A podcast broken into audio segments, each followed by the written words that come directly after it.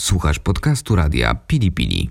Więcej audycji znajdziesz w naszej darmowej aplikacji dostępnej w sklepach App Store i Google Play. Porada na podróż. Podcast podróżniczy Jakuba Porady. Pamiętacie o tym, że nie ma wiedzy niepotrzebnej. Nasze spotkania w cyklu Porada na podróż zacząłem od tej mantry, bo traktuję ją rzeczywiście jak mantrę i powtarzam regularnie. Nie ma wiedzy niepotrzebnej. I jeżeli ktoś mówi mi o tym, że książka to jest przeżytek, to tak samo ja go zapytam, co zrobić z kinem. Czy kino też jest przeżytkiem, bo przecież mamy streaming internetowy. To znowu nawiązuje do dyskusji na temat przyszłości telewizji, w której pracuję. Bardzo często pojawiają się komentarze na różnych portalach dotyczących mediów o tym, że telewizja? Kto dzisiaj jeszcze ogląda telewizję? Kto nie ogląda, to nie ogląda. Kto ogląda, to ogląda. Ja też korzystam ze wszystkich portali społecznościowych i mm, różnych serwisów, które gwarantują mi, że każdy serial czy każdy film jestem w stanie zobaczyć w momencie, w którym tylko mam zasięg internetowy. Ale jak Lewandowski będzie strzelał gola, albo skakać będą nasi chłopcy, albo wydarzy się coś, no nie zawsze fajnego, może to być jakaś straszna tragedia, bo przecież konflikty na całym świecie, no niestety dzieją się. Tak było zawsze i tak będzie. To wtedy jednak siedzimy przed telewizorami, czy w knajpie, czy w podróży, więc myślenie w kategoriach, że coś się kończy, bo coś jest może bardziej popularne, jest myśleniem osoby naiwnie postrzegającej rynek medialny. To się musi wzajemnie uzupełniać, bo kino wygląda tak samo jak było 100 lat temu. Oczywiście jest większy obraz, jest lepsza jakość dźwięku, ale chodzimy do niego. No teraz nie, bo te kina ciągle są zamknięte, ale mówię o ogólnej zasadzie. Chodzimy tak jak chodzili nasi ojcowie i jak chodzili nasi dziadkowie przy zmieniającym się repertuarze. No a logicznie było powiedzieć, po co chodzić, skoro jest streaming internetowy. Więc rozumiecie, to się uzupełnia. Telewizja uzupełnia się z płatnymi, paywallowymi, tak zwanymi portalami, e, do których mamy dostęp po opłaceniu abonamentu. I każda, e, nie wiem, stacja, każda telewizja na całym świecie stara się, żeby tworzyć sobie takie treści premium. Ale normalna telewizja też musi istnieć, bo mówię, rezygnacja z jednego, nawet rezygnacja z gazet papierowych też nie jest do końca wskazana, bo chociaż jest to rynek się kurczący, to jednak papier wszystko wytrzyma. I to tak jak z płytami winylowymi, które też, no po co mają być? Po co mają być kompakty? A jednak prędzej kompakty może znikną niż płyty winylowe, bo rynek się odradza i dla wielu koneserów może być tym, czym dla ludzi za 10 lat może być właśnie papierowa gazeta. Tak rozwinąłem tę myśl na temat ogólnego rynku mediów i tego, że wszystko musi się uzupełniać wzajemnie, wracając do książki. Czyli ona nie jest przeżytkiem, no bo cóż z tego, że audiobooki są popularne, sam z nich korzystam i wielokrotnie jadąc samochodem, no nie mogę czytać książki, ale audiobooka z jakąś fajną powieścią, jeszcze czytaną przez aktora o głosie, który mi się bardzo podoba, chętnie posłucham. No ale jednak książka klasyczna, nawet jeśli jest w defensywie i statystycznie więcej osób ogląda magiczne obrazki, bo jednak jesteśmy niewolnikami seriali i tak naprawdę wszyscy tylko rozmawiają o tym, co widzieli na Netflixie ewentualnie innej, jakiejś równie popularnej platformie streamingowej.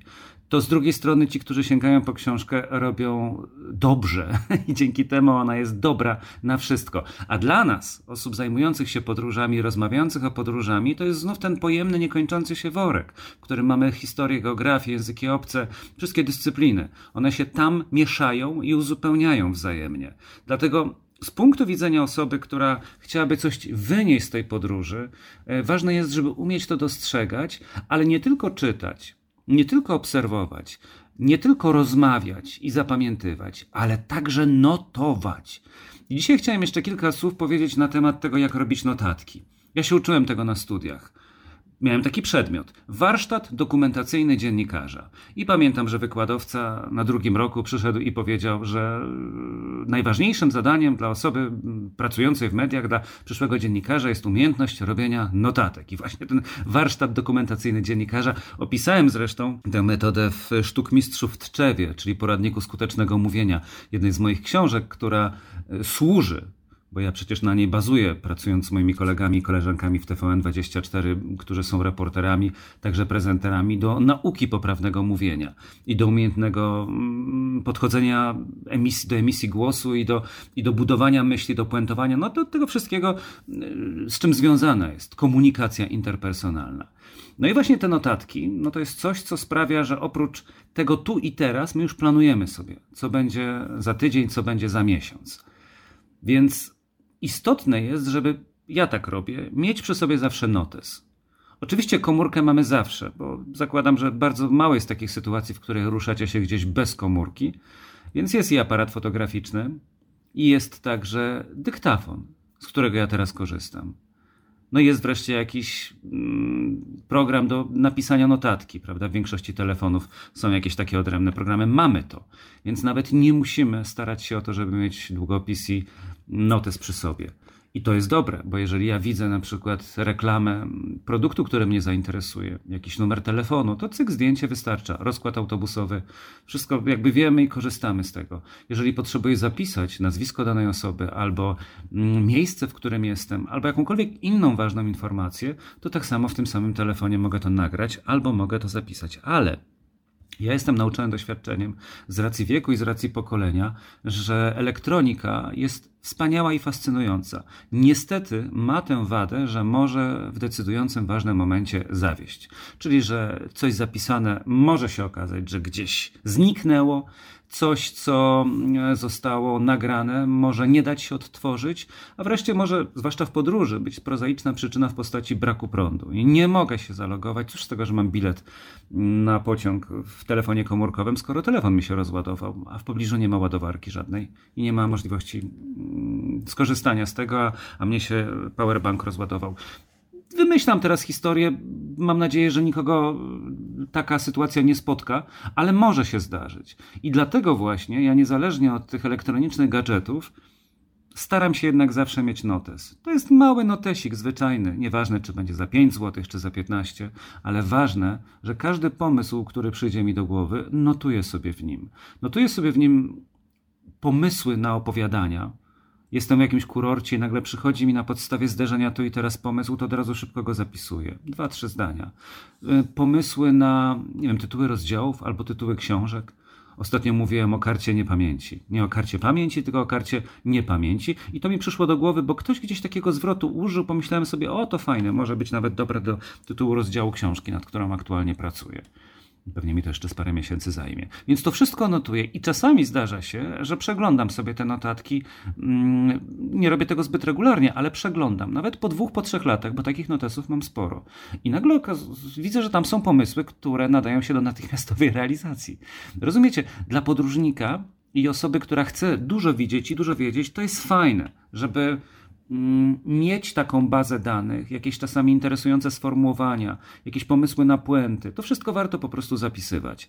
Dlatego, że później, jeżeli napiszecie artykuł z podróży, albo jeżeli na przykład macie audycję radiową, no gdziekolwiek występujecie, to takie rzeczy są na miarę waszych wyjazdów, czyli są po prostu bezcenne. A jeżeli nawet nie potrzeba wam do tego, bo po prostu chcecie jeździć, to też dobrze jest wiedzieć, żeby te notatki lapidarne czasami mieć i móc odtwarzać, bo za 2-3 lata zobaczycie, to później można przepisać do komputera, może zostać w notesie. Jak będziecie czytać, to nagle odświeży wam się pomysł. pomysł pamięć to jest e, właśnie taki pomysł na prustowską Magdalenkę. Taka jest moja rada na dzisiaj. Nomen omen, porada na podróż. No i to wszystko dzieje się w sytuacji, w której ja już odliczam dni do wiosny. Bo jeszcze będą mrozy. Jeszcze śnieg się na pewno pojawi. Ale tak czy inaczej, po przejściu już nowego roku, to każdy z tych tygodni będzie dla mnie oznaczał, że już bliżej niż dalej.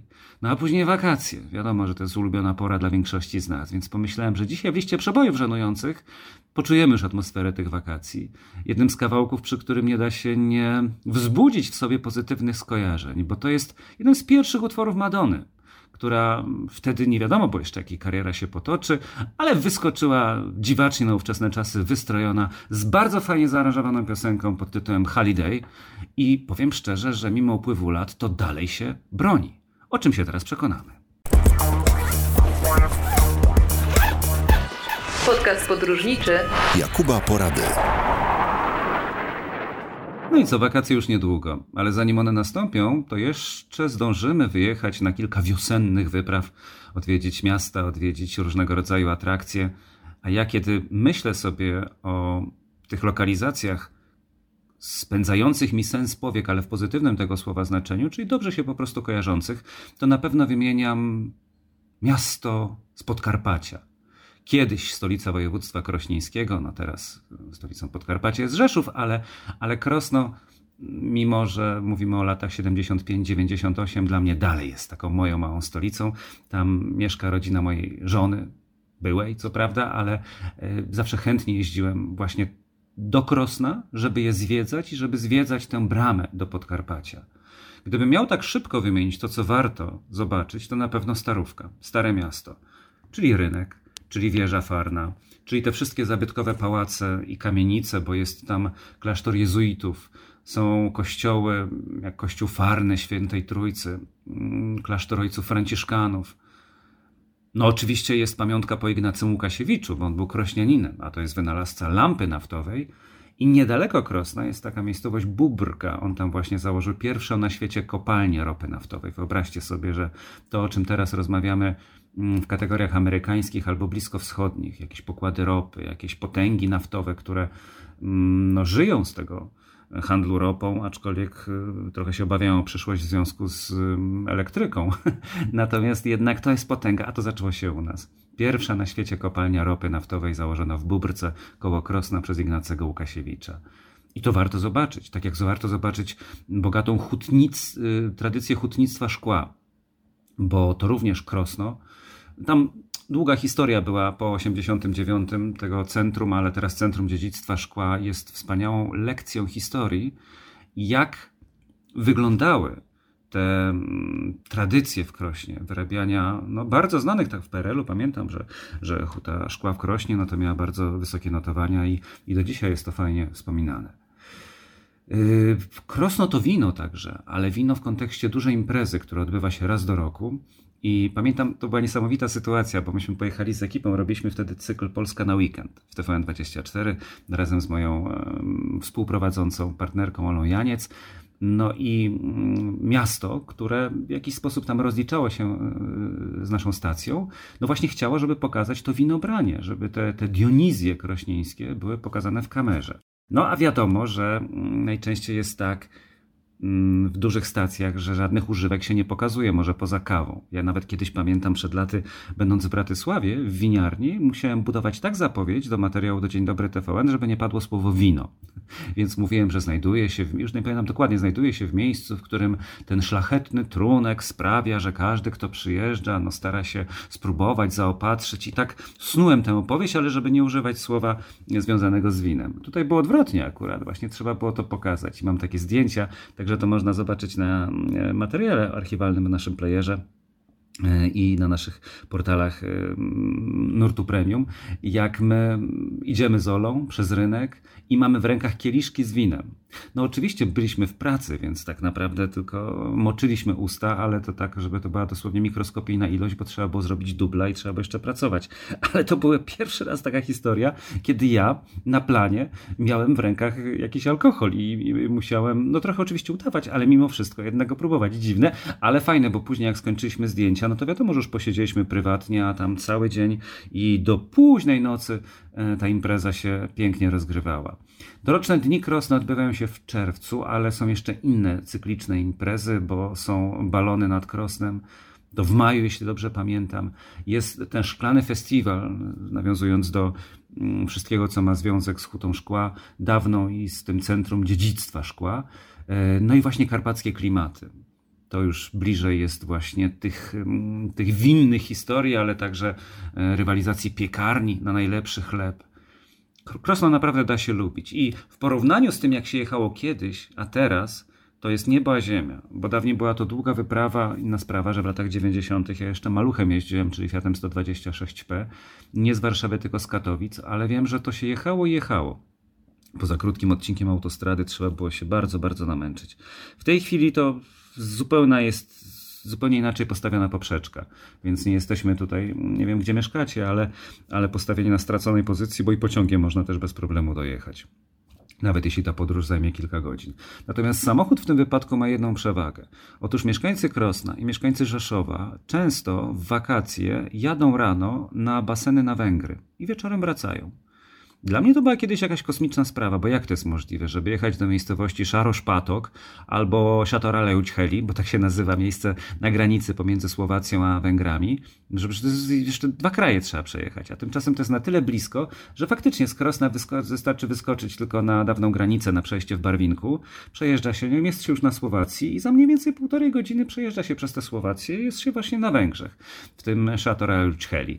I później można jechać ewentualnie dalej do Tokaju, o którym powiem przy innej innej okazji, bo uważam, że jest to jedno z najpiękniejszych miejsc, jakie widziałem. Natomiast tu niesamowite, że ta wschodnia Słowacja, która jest i piękna, i straszna zarazem, bo z jednej strony mamy ślady kultury rusińskiej, i e, cerkwie, i pozostałości, na przykład jak, jak, jak, jak muzeum poświęcone Andiemu Warholowi, a z drugiej takie komunistyczne bloki, które w czasach PRL-u naszego były tam wciskane pomiędzy jedną cerkiew a drugą. Więc jest i ładnie, i nieładnie. I to jest taki miszmasz, ale bardzo interesujący do zobaczenia. Właśnie ten region wschodniej Słowacji.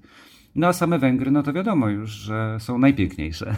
Ja jestem bardzo dużym miłośnikiem tej węgierskiej krainy.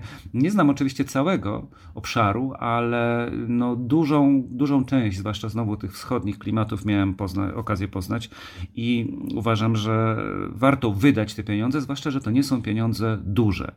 No i jeżeli będziecie w tym przygranicznym regionie, jak traktuję w tym wypadku Krosno, no to warto też rozejrzeć się po okolicy, pojechać do Leska, pojechać do Sanoka. Tam dużo, nie, już nawet nie mówię o Bieszczadach, bo to jest odrębna historia. Na razie mówię o takim zwiedzaniu właśnie tych miejscowości, mm, które, które oferują masę atrakcji w cyklu Porada mm, na weekend w Travel Channel. E, raz zrobiliśmy odcinek z drezynami i właśnie e, z tymi wszystkimi miejscami, które warto zobaczyć. Gorąco Wam to polecam. I nawiązując do pierwszej części dzisiejszego spotkania w Porada na Podróż, róbcie notatki z tego. Róbcie, rejestrujcie dla siebie samego. Może się Wam do czegoś przydadzą, a jeżeli nawet nie, to zawsze będzie to zabezpieczenie pamięci, że gdzieś właśnie ktoś coś widział, coś zanotował, e, fragment e, jakiejś wiedzy, którą będzie mógł odtworzyć. I to nas dopali. Będziemy tacy super podładowani, super hited, jak śpiewa New Order, do którego to zespołu często wracam i na pewno jeszcze nie raz zagości. To jest piosenka z jednej z ostatnich płyt grupy, różnie ocenianych, no bo ta muzyka jest też nierówna, ale ten utwór, nie wiem dlaczego, to jest mam takie sugestywne wrażenie, kojarzy mi się właśnie z takim porannym powerem. Że wstaje, słucha tej muzyki i zaczyna na przykład iść, jechać i taką pozytywną energię rozsiewa dookoła siebie. No może stąd właśnie ten tytuł, super heated, super nagrzany, ale w sensie nagrzany dobrymi emocjami. Sprawdźcie, przekonajcie się, no i gromadźcie się przed radioodbiornikami, niezależnie od tego, jaki model komórki macie w kolejnych spotkaniach. Porady na podróż. Dzięki i do usłyszenia. Porada na podróż. Podcast podróżniczy Jakuba Porady. Wysłuchaliście podcastu radia Pili Pili. Więcej audycji znajdziecie w naszej darmowej aplikacji dostępnej w sklepach App Store i Google Play. Do usłyszenia w radiu Pili Pili.